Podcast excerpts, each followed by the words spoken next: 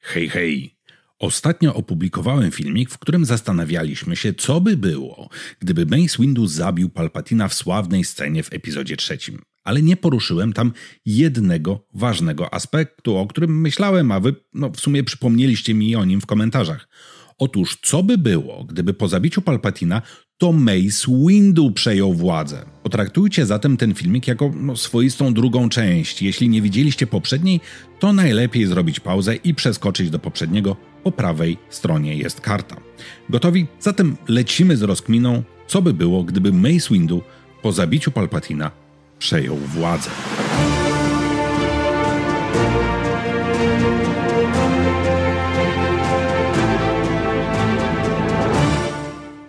Mace Windu znany jest z tego, że balansował na granicy ciemnej strony mocy.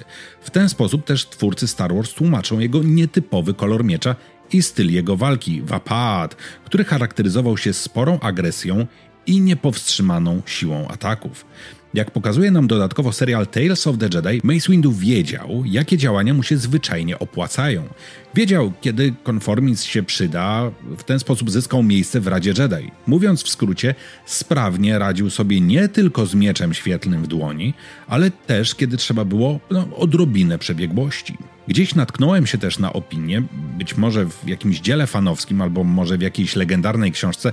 Wiecie, serio, po latach w Star Warsach pewne źródła już mi się trochę zlewają w głowie, że Mace Windu dlatego nie przepadał za Anakinem, bo uważał, że przepowiednia o wybrańcu nie jest o Anakinie, tylko jest właśnie o nim. I szansa na udowodnienie tego pojawiła się w momencie, kiedy kanclerz Palpatine, a tak naprawdę to oczywiście Darth Sidious, Lord Sithów leżał, wydawałoby się bezbronny po zajadłej walce, w której pokonał trzech innych mistrzów Jedi. Wystarczyło podnieść miecz i uderzyć. Żadne aresztowanie, żadne stawianie go przed sądem nie wchodziło w grę. Palpatina trzeba było zgładzić, no i Mace to zrobił. Uderzył celnie, a Palpatine uwolnił w jego kierunku błyskawice mocy. Mace jednak się przeciwstawił.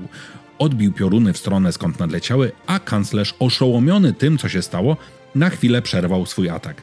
Ta chwilowa przerwa wystarczyła i Mace uderzył. Palpatine zginął. W tej chwili w gabinecie nastała chwila ciszy. Anakin tylko przyglądał się działaniom mistrza Jedi i teraz tylko dwie osoby w galaktyce wiedziały, że właśnie dokonała się zmiana władzy. I to zmiana władzy zarówno w Republice, jak i wśród separatystów. Obi-Wan Kenobi zabił Grievesa na utapał, zatem wyglądało na to, że wojna zaraz się zakończy. Mace Windu, po przejrzeniu pliku w osobistym terminalu kanclerza, zdał sobie sprawę, jak potężna była intryga Palpatina i misterny plan budowany był już od wielu, wielu lat. Zobaczył też listę tajnych instrukcji dla Armii Republiki i trzeba było szybko działać i z tego sobie zdał sprawę. Tajnymi kanałami komunikacyjnymi do gabinetu kanclerza została wezwana Rada Bezpieczeństwa Republiki. W jej składzie był m.in. Bail Organa i kilku innych senatorów. Należał do niej też Mas Ameda, ale do niego wiadomość nie została wysłana, bo wszyscy wiedzieli, że jest poplecznikiem, załóżnikiem Palpatina. Członkowie Rady Bezpieczeństwa stawili się w gabinecie niezwłocznie i pod groźbą wydali na wszystkich kanałach komunikacyjnych Wielkiej Armii Republiki rozkaz 65, który mówił: W przypadku gdyby po pierwsze, senacka większość uznała naczelnego dowódcę, czyli kanclerza, za niezdolnego do wydawania rozkazów lub po drugie, Rada Bezpieczeństwa uznała go za niezdolnego do wydawania rozkazów, a Wielka Armia Republiki otrzymała stosowny, uwierzytelniony rozkaz, dowódcy są uprawnieni do zatrzymania naczelnego dowódcy z użyciem siły fizycznej włącznie. Dowództwo Wielkiej Armii Republiki zostanie natychmiast objęte przez pełniącego obowiązki kanclerza do momentu wyznaczenia następcy lub określenia alternatywnego dowódcy. Bail Organa zgodził się na wydanie tego rozkazu, no pozostali pod groźbą miecza świetlnego także na to przystali. Ponieważ była większość, na głos Masa Amedy nikt nie czekał. Tymczasowym zastępcą kanclerza został mianowany Windu. Był z tą kandydaturą jednak spory problem. Palpatine przez lata korupcją, szantażem i groźbą uzależnił od siebie wielu senatorów. Uzyskanie większości mogło być trudne. Poza tym rycerze Jedi zdecydowanie nie mieli dobrej prasy w Republice. Mierzyli się, mówiąc wprost, z kryzysem wizerunkowym. Notabene no, częściowo spowodowanym przez Palpatina. Fakt, że mistrz Jedi zostanie kanclerzem, no wielu nie mieściło się w głowie. Przez jakiś czas trwała niepewność.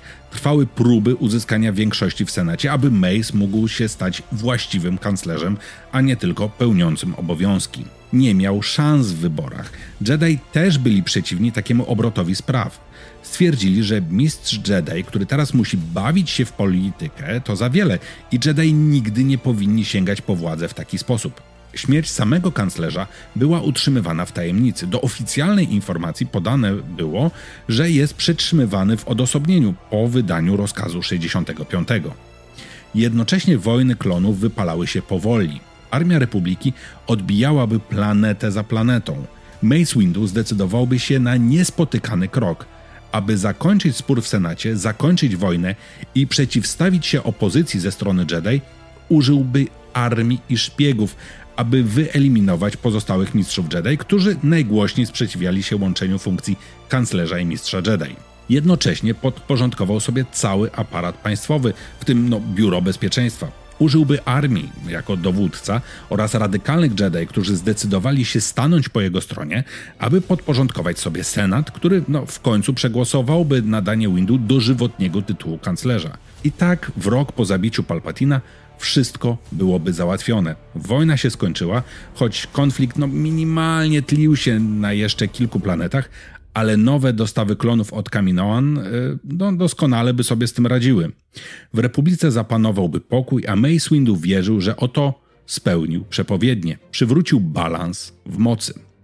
Niestety wojna, a raczej rewolucja, pochłonęła kilka ofiar. Nie przeżył m.in. Yoda i Kenobi armia stała się silniejsza, a Jedi zyskali siłę i wsparcie ze strony Senatu i kanclerza. Ze strażników świątyni powstała Straż Senacka, a Jedi, oczywiście ci, którzy byli wierni nowemu porządkowi, zostali nadal w randze dowódców armii. Czy tak postępującego Mace'a Windu nazwalibyśmy Sithem i powiedzieliśmy, że przeszedł na ciemną stronę mocy, czy nadal nazwalibyśmy to balansowaniem na granicy mroku i światła?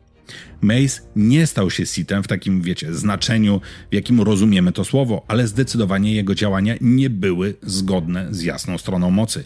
Intencje miał jednak słuszne: zakończyć wojnę, zaprowadzić balans mocy i odbudować potęgę zakonu Jedi. I wreszcie nastał pokój. Anakin Skywalker doskonale wpasował się w rolę. W końcu stało się tak, jak sam mówił. Ludzie ze sobą rozmawiali, a jeśli nie chcieli dojść do konsensusu albo im się to nie udawało, to zostawali do tego zmuszeni. Był dowódcą w Armii Republiki, a jego żona była senator i była królowa, mieszkała z dziećmi na Nabu, a Anakin w każdej wolnej chwili przyjeżdżał do miejsca, które po raz pierwszy od bardzo dawna mógł nazwać domem. Ostrze jego miecza świetlnego przybrało jasno-pomarańczową barwę, bo jako dowódca armii nie zawsze postępował zgodnie z kodeksem Jedi, a sam kodeks, no, musi zostać lekko zmodyfikowany.